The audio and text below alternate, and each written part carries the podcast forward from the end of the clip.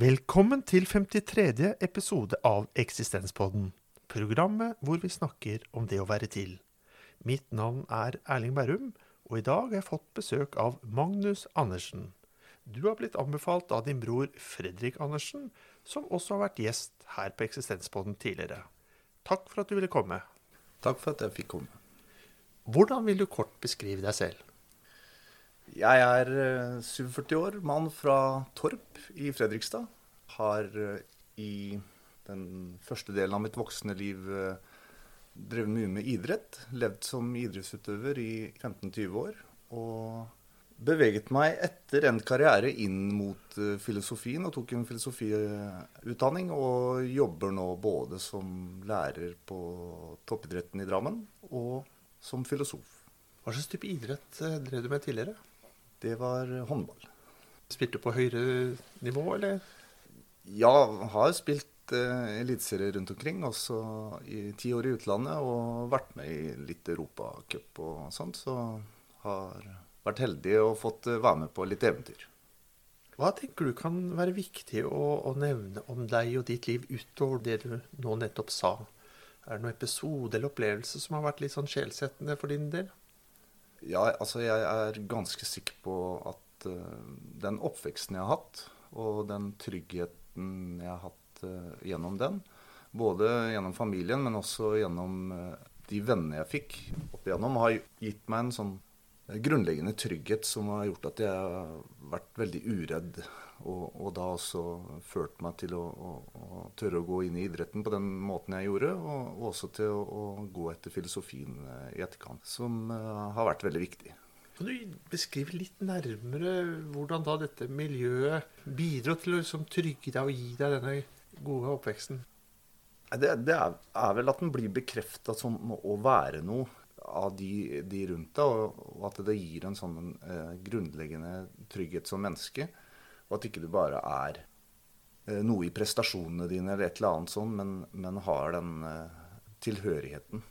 Og jeg har merket det i ettertid, når jeg har tenkt etter hvordan kunne jeg gå etter idretten så skarpt som jeg gjorde. Jeg hadde jo ikke noen gode karakterer på skolen, jeg hadde ikke noe annen trygghet eller noen andre interesser egentlig. Men jeg var aldri uredd eller redd for ikke å bli eller miste min plass blant eh, vennegjengen eller et eller annet sånt.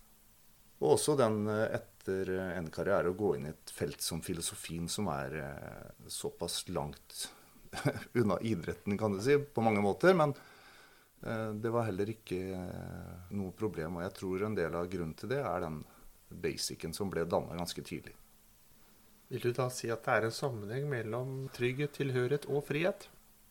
Ja, jeg, jeg, vil tro det. Altså Det at man blir årsak til handlingene sine, uh, gir deg jo en, en trygghet. At du, du, står i det. Og, og gjennom uh, de reisene jeg hadde, så måtte jo stå på egen hånd mye. og ble jo hele tida avkrefta eller bekrefta og måtte leve i den, den verden der. Og idretten er ganske tøff når du skal inn i nye garderobe eller møter et nytt lag med nye uh, mennesker, så er det ofte at en del roller er allerede tatt. Og så må du stå der og, og, enten ta en rolle eller bli gitt igjen. Og den dynamikken begynte å interessere meg mer og mer. Gruppedynamikk og åssen vi fungerer sånn. Så det er et sånt lite mikrokosmos på beskrivelse av mennesket sånn generelt. Du har også blitt bedt om å velge ut en grunnleggende dimensjon ved det å være til som menneske.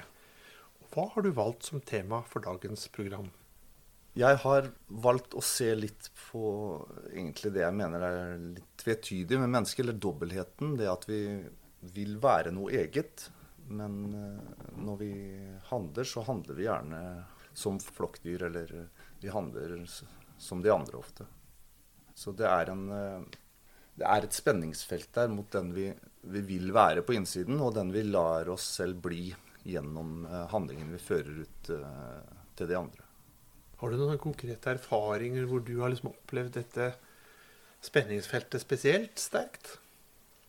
Hvis, hvis ikke du tør å si, eller hvis ikke du tør å, å, å, gå ut med dine egne meninger, så handler du mot deg selv på en måte. Og i begynnelsen av livet mitt så tror jeg ikke jeg tenkte så mye over dette her. Det, det gikk på automatikk, og jeg handler mer i på den måten jeg visste ville bli akseptert av de andre. Og det er jo en måte også å få innpass i flokken på. Det blir ikke noen konflikter eh, på den måten. Men i senere tid, hvor en uh, har mer forma seg sjøl og har noen egne verdier og ting en står for, da klarer jeg ikke på samme måte å bare godta hvis jeg er uenig, f.eks. Og det tror jeg man må trene seg på rett og slett å vende blikket inn mot seg sjøl. Og våge å ransake seg sjøl litt og se hva han mener egentlig, og hva han står for. For det er veldig lett å havne i en sånt uh, automatisk uh, handlingsmønster. Men det er vanskelig å gå inn i seg selv. Uh, mennesket er jo et, et, vesen som stiller spørsmål ved sin egen eksistens. Altså Løve lurer ikke på hvorfor hun er løve, eller bikkja lurer ikke på hvorfor hun er bikkje. Den bare er det. Eh, mennesket må forholde seg til sin, eh, sin, egen dødelighet. Handlingene får på en måte en, en større viktighet ikke sant? Når, når, eh, du innser at livet ditt er begrensa. Men, men så, så, rømmer vi ofte bort i tanker om at det er et etterliv eller et eller annet sånt, som tar gjerne litt brodden ut av, av det her møtet med vår egen skjebne, egentlig. Vil du si at motstand kan være et eh, barometer på om du er deg selv mer enn mindre? Jeg mener eh, Jeg prøver også å beskrive det her med motstandskraft. At det er en evne vi kan eh, tilegne oss. Og det er, det er litt inspirert av det Aristoteles snakker om i nikomakisk etikk. En sånn evne til innsikt i sitt eget beste. Men for meg så handler det også om jeg ser mennesket som et, eh, en, en, mulighet til enten å være seg selv eller ikke være seg selv. Og, og, det å ha den evnen til å filtrere den påvirkningen som kommer utenfra, altså vende blikket mot seg selv og vende seg mot sine egne muligheter, da gir man da en sjanse til å, å velge ut ifra det. Og da er det ikke det automatiske uh, mønsteret som oppstår. Kanskje Det kan godt hende at det egne er det som forventningene sier. Det bør jo ikke være noe uh, motstridigheter der. Ja, for Det var jo mitt neste spørsmål.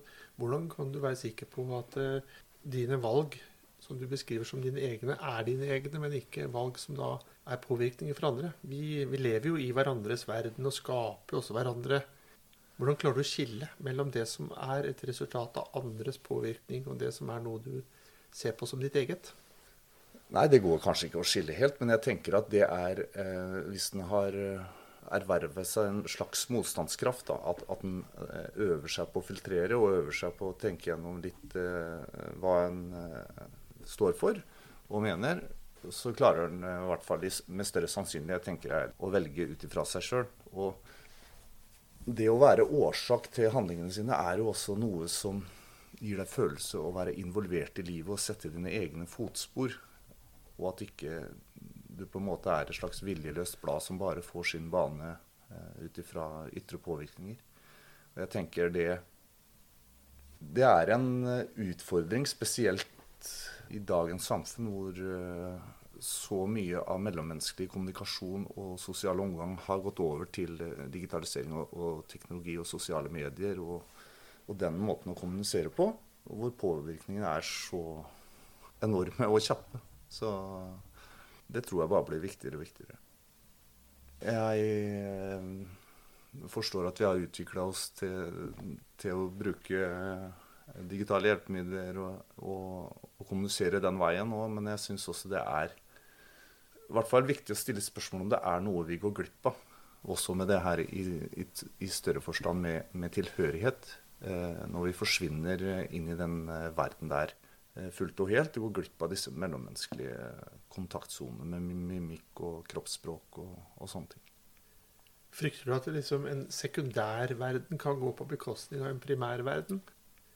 Det mellommenneskelige forholdet og, og menneske og natur er såpass uh, gode, gode, ting at jeg, jeg syns det er synd hvis eh, folk går glipp av det.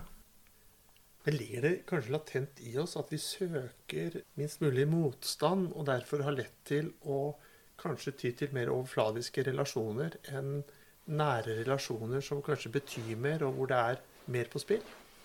Ja, jeg, jeg tror vi, søker jo eh, behag og unnslippe konflikter og friksjon. Og det her å unnslippe det valget også. Jeg liker jo den delen av eksistensfilosofien hvor man sier at eh, vi, vi blir den vi gjør oss til gjennom handling. Men, men det å bringe seg sjøl ut i allmennheten er jo eh, en mulighet vi har. Men eh, det kan være veldig vanskelig, og det er en slags eksistensiell angst som oppstår når vi skal bli veid, eller når vi ser muligheten til å være noe. Når du i noen settinger tar da en dialog som krever kanskje et større alvor av dine medmennesker enn de kanskje er klare for, ved at du tar et oppgjør om kanskje verdier og utsagn og mening er det et alvor du bringer på banen som kanskje omgivelsene ikke er så klar for? Ja, jeg, jeg tror det også. Ja, men jeg, jeg, er eh, heldig som har eh, eh, venner som tåler en, en støyt. Og jeg, jeg, får jo også ganske bra tilbake, så det er ikke noe, noe sånne ting. Men Du snakket jo innledningsvis dette med å oppleve, skråstrek være seg selv, mot eh, det å, å kanskje være som andre. Har du noen eh, situasjoner hvor du har opplevd å være veldig mye som alle andre, og nesten våknet opp av eh, en drøm, eller? Jeg har ikke noen konkrete eksempler på det, men jeg, jeg er litt redd for å ikke ta mulighetene i livet mitt og, og bare gå inn i et slags hverdagsliv og inn i prosjekter og gjøremål, og så bli blind for for mulighetene. Eh, nå syns jeg jo hverdagslivet er helt topp uansett, men det er forskjell på å gå inn i den syklusen der med en bevissthet om at det er muligheter, eh, enn å ikke være det.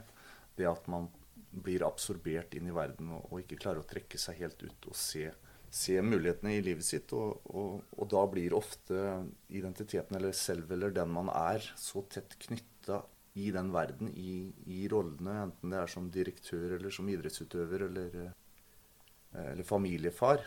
Sånn at eh, hvis den rollene brister, og identiteten er så eh, sammensmelta med rollene, så, så, brister hele fundamentet du har som, som, menneske, altså din egen forståelse. og Derfor tror jeg også det er viktig med å tørre å dra fram litt eksistensielle spørsmål. Jeg, jeg, tror at folk er egentlig interessert i det, men det er det er vanskelig å forholde seg til. Det er vanskelig å forholde seg til dødsbevissthet. Det er vanskelig å forholde seg til en del uh, tøffe ting som jeg mener er en del av, av, menneskelivet. Men det, som jeg sa i innledningen, jeg har et filosofifirma sammen med, med, broren min og fetteren min, hvor vi inviterer til filosofikafé og, og tar fram uh, noen klassiske temaer og problemstillinger innen filosofien, hvor vi har en sal som også er aktiv etter, etter innlegget, og der får vi utrolig mye gode tilbakemeldinger fra, fra, folk som er helt oppriktig interessert i, i masse, masse, filosofiske spørsmål. Hva heter det firmaet? Torpeskolen filosofifabrikk heter det. Har dere noen egen nettside for det, for de som er interessert? Ja, vi har, eh, på Facebook har vi Torpeskolen filosofifabrikk, eller så går det å på torpeskolen.no. De som kommer da til samlinger som dere har om forskjellige temaer, Eh, tenker du at mange av de kommer dit kanskje fordi de ønsker å, å nærme seg selv mer enn det de klarer i hverdagen? I utgangspunktet, altså de, de, spørsmålene som kom i begynnelsen, var om det var noe prestasjon knyttet til å komme dit. At det måtte mene noe eller si noe høyt. Og da, da, da åpenbarer den her frykten, eller den angsten for å bli veid med en gang. Og det, det er et helt Eh, det er ikke sånn det fungerer. Du, du, kan bare sitte og lytte, eller du kan uh, si noe. Men kunsten er jo da å lage et rom som, som folk er trygge å ytre seg i. Så det har, eh, det har gått uh, veldig fint, og det har kommet masse folk uh, hver gang. Så. Er noe av målsetningen å bidra til en større bevisstgjøring, eller legge til rette for at man kan tenke mer om spørsmål som vil gjøre deg mer bevisst om kanskje hvem du selv er, og hva du selv vil? Eh, sammenlignet med det som kanskje ikke tilhører din egen vilje? Ja, og det, det er litt å, å, bringe fram det som allerede ligger i folk. Så det er litt sånn sokratisk ånd over det. At det er en, en eh, slags jordmorkunst. Og så er det eh, basert på dialog. Altså vi bringer fram et tema med vår forståelse, og så uh, kommer salen med sitt svar, og så ser vi i, i slutten om, om, vi har nådd en høyere forståelse av, av, temaet. Og så er det også et, en form for katalysator som folk, sånn at den vekker litt ting, så folk kan ta med seg disse spørsmålene videre hjem. På disse samlingene her, har du hatt noen eh, gode konfrontasjoner også der? Eller blir det et litt sånn samtykkende forum? Nei, vi har konfrontasjoner hver gang, vil jeg si. Men, men det er jo eh, en balanse. Vi vil jo holde en respektfull dialog. Og, men vil også ha litt temperament. Og vi legger nok inn litt provokasjon i eh, temaoppbygging og, og strukturen i, i, hvordan vi legger det fram. Så det har ikke vært noen eh, episoder som har utarta seg, nei. må vi noen ganger våge å utfordre hverandre litt mer for å få litt mer tak i hverandre? Ja, jeg, jeg, tror vi fint kan gjøre det. Men vi er veldig opptatt av at det er under rett miljø, eller under trygge rammer. Eh, og i et sånt Vi har sagt nei f.eks. til å filme i, når vi har en filosofikafé, nettopp for at vi vil ikke begrense dialogen. Og det er, tror jeg, også en, en litt sånn ting i tiden at vi blir iakttatt på andre måter nå eh, gjennom Eh, overvåking, måtte jeg på å si, eller eh, mobiler, eller eh, enn en vi var tidligere. da. Jeg forholder meg i hvert fall forskjellig når jeg har et kamera på meg, enn når jeg ikke har det. Vi her i Norge i hvert fall synes ja. å være et relativt fredelig omforent samfunn. Ja. Det er jo ikke så mye skarpe diskusjoner og motstand, i hvert fall i, i media, som jeg syns å registrere. Men jeg syns jo alltid det er fint ja, hvis det blir liksom litt temperatur, og det blir litt tydeligere hvem som er hvem, og hvem som vil hva, og at de, de står mot hverandre på kanskje en mer grunnleggende måte, da, hvor man får fram at det er verdispørsmål, det er prinsipper. Det handler om hvem vi er, og hvem vi skal være. Det handler om våre liv. Framfor den tidvise overdrevne aksepten og forståelsen av hverandre det er som du sa tidligere, det er eh, viktig å ha den følelsen av å, å høre til. Eh, og, og, da er det lettest å handle i, som, som, resten. Og jeg tror ikke det er noe fasit på om man blir lykkeligere av det eller ikke. Men, men man får alltid, tenker jeg, når man vender blikket mot seg sjøl, et oppgjør der. Og hvis man eh, har gått gjennom livet i lang tid egentlig med en sånn bakenforliggende tanke om at man har gått mot det en egentlig vil være og stå for, så kan det bli litt uh, ubehagelig etter hvert når en del av de mulighetene som man hadde tidligere, har forsvunnet. Jeg har jo sett litt på en uh, australsk uh, sykepleierske som heter Bronnie Weir, som skrev en bok som heter 'Top Five Regrets of the Dying'. hvor hun har noen undersøkelser på, på dødsleiet. Jeg tror det er over 5000 undersøkelser. Og det folk angrer på, er jo disse her nære tinga, Å ikke leve det livet en, en, selv ville, fremfor det andre forventet, f.eks. For eller eh, skulle ønske jeg hadde mot til å uttrykke følelsene mine bedre. Og, og egentlig sånne veldig nære eh, ting. Og, og, veldig lite så materialistiske, at de ikke fikk kjøpt seg den bilen eller det huset eller et eller annet. Så når alt kommer til alt, så betyr det det forholdet til seg selv ganske mye. Eh, selv om vi, vi sier jo 'ignorance is bliss', at det er lykke å ikke forholde seg til dette her. og Sånn når Zapf eh, beskriver eh, det her møtet med dødsbevisstheten og disse her distraksjonene bort fra det, så blir jo det nesten en slags overlevelsesmekanisme for at vi ikke klarer å stå i det eksistensielle spørsmålet, som, som er ganske tøffe. Men vi mister litt meningsaspektet, da, mener han. Og, og det er jo en Det er tragisk å leve på den måten. Vi snakket jo i stad om trygghet, tilhørighet og frihet. Og jeg ser liksom tilhørighet kan få en nøkkelrolle her. da. Det blir liksom veldig viktig å tenke seg om. Hvem tilhører jeg? Og definere det. Og kanskje du da kommer til jeg tilhører mine nære.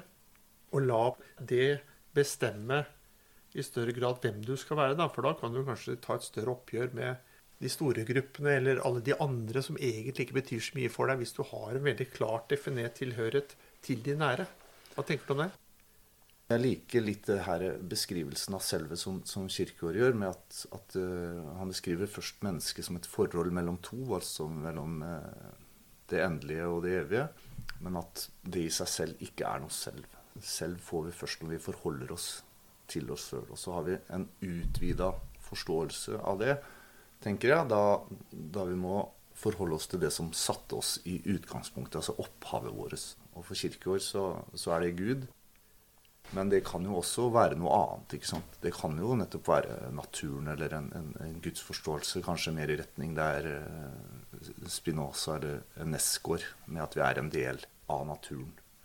Den som grunnleggende tilhørigheten der, da, og i hele tatt det møtet med oss sjøl, kan bli litt påvirka av den nye måten å, å, kommunisere på, tror jeg, og, omgås med hverandre. At det fins nesten ikke noen rom lenger, altså hvor vi er i ro, og da litt andre tanker får tilgang til oss. Eller vi, vi tør å vende blikket mot oss sjøl, eller mulighetene, og, og, da igjen den, eh, litt den motstandskraften som jeg snakka om i stad. at vi Eh, kjenner etter hva vi mener om ting, og ikke går på automatikk.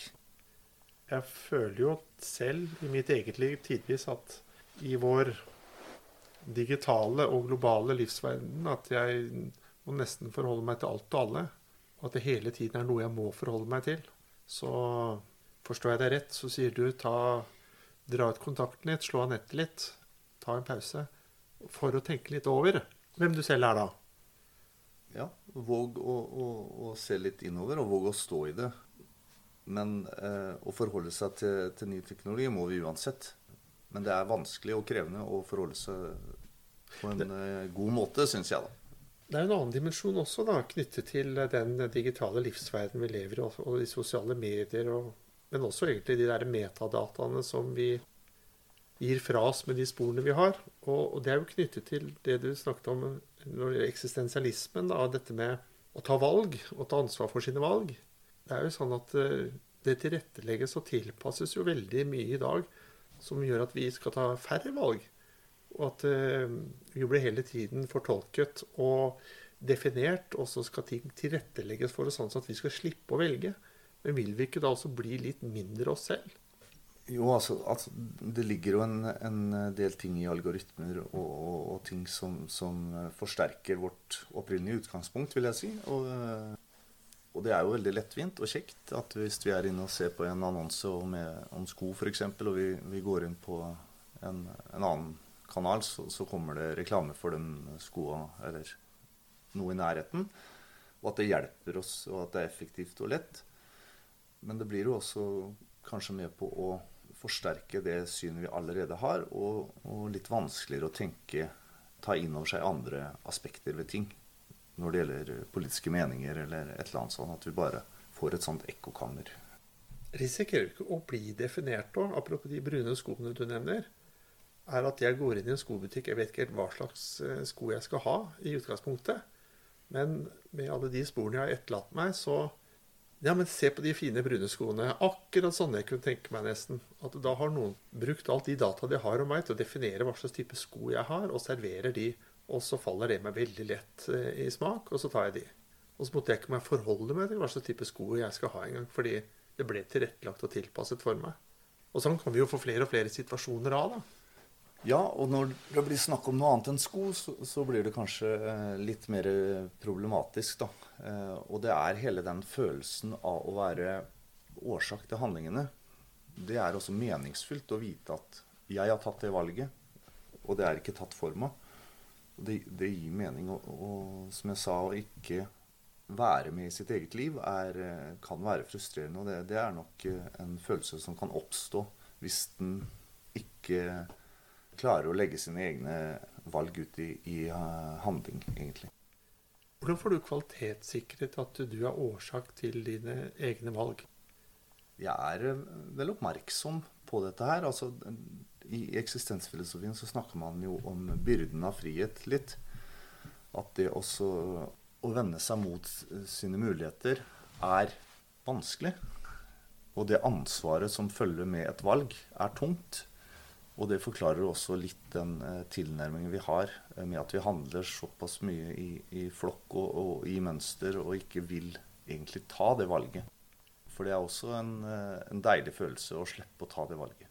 Men, men, da er det på en måte noe annet som forsvinner, da, og det er meningsaspektet, etter min mening. Vi nærmer oss slutten på dagens samtale. Og da pleier jeg å spørre om du har noen visdomsord du gjerne vil uh, dele. Kirkegård sier noe sånn her som uh, Om jeg våget og feilet, så vil livet hjelpe meg med straffen. Men om jeg slett ikke våget, hvem hjelper meg så? Det er et veldig fint sitat, syns jeg. Som, som, nettopp beskriver det her viktigheten av å å være med i, i sitt eget liv. Og det er på en måte eh, det som traff meg når jeg begynte å lese eksistensfilosofiske tekster, at det bekrefta mange av den undringen jeg hadde på, på innsiden eh, i ungdommen og sånne ting.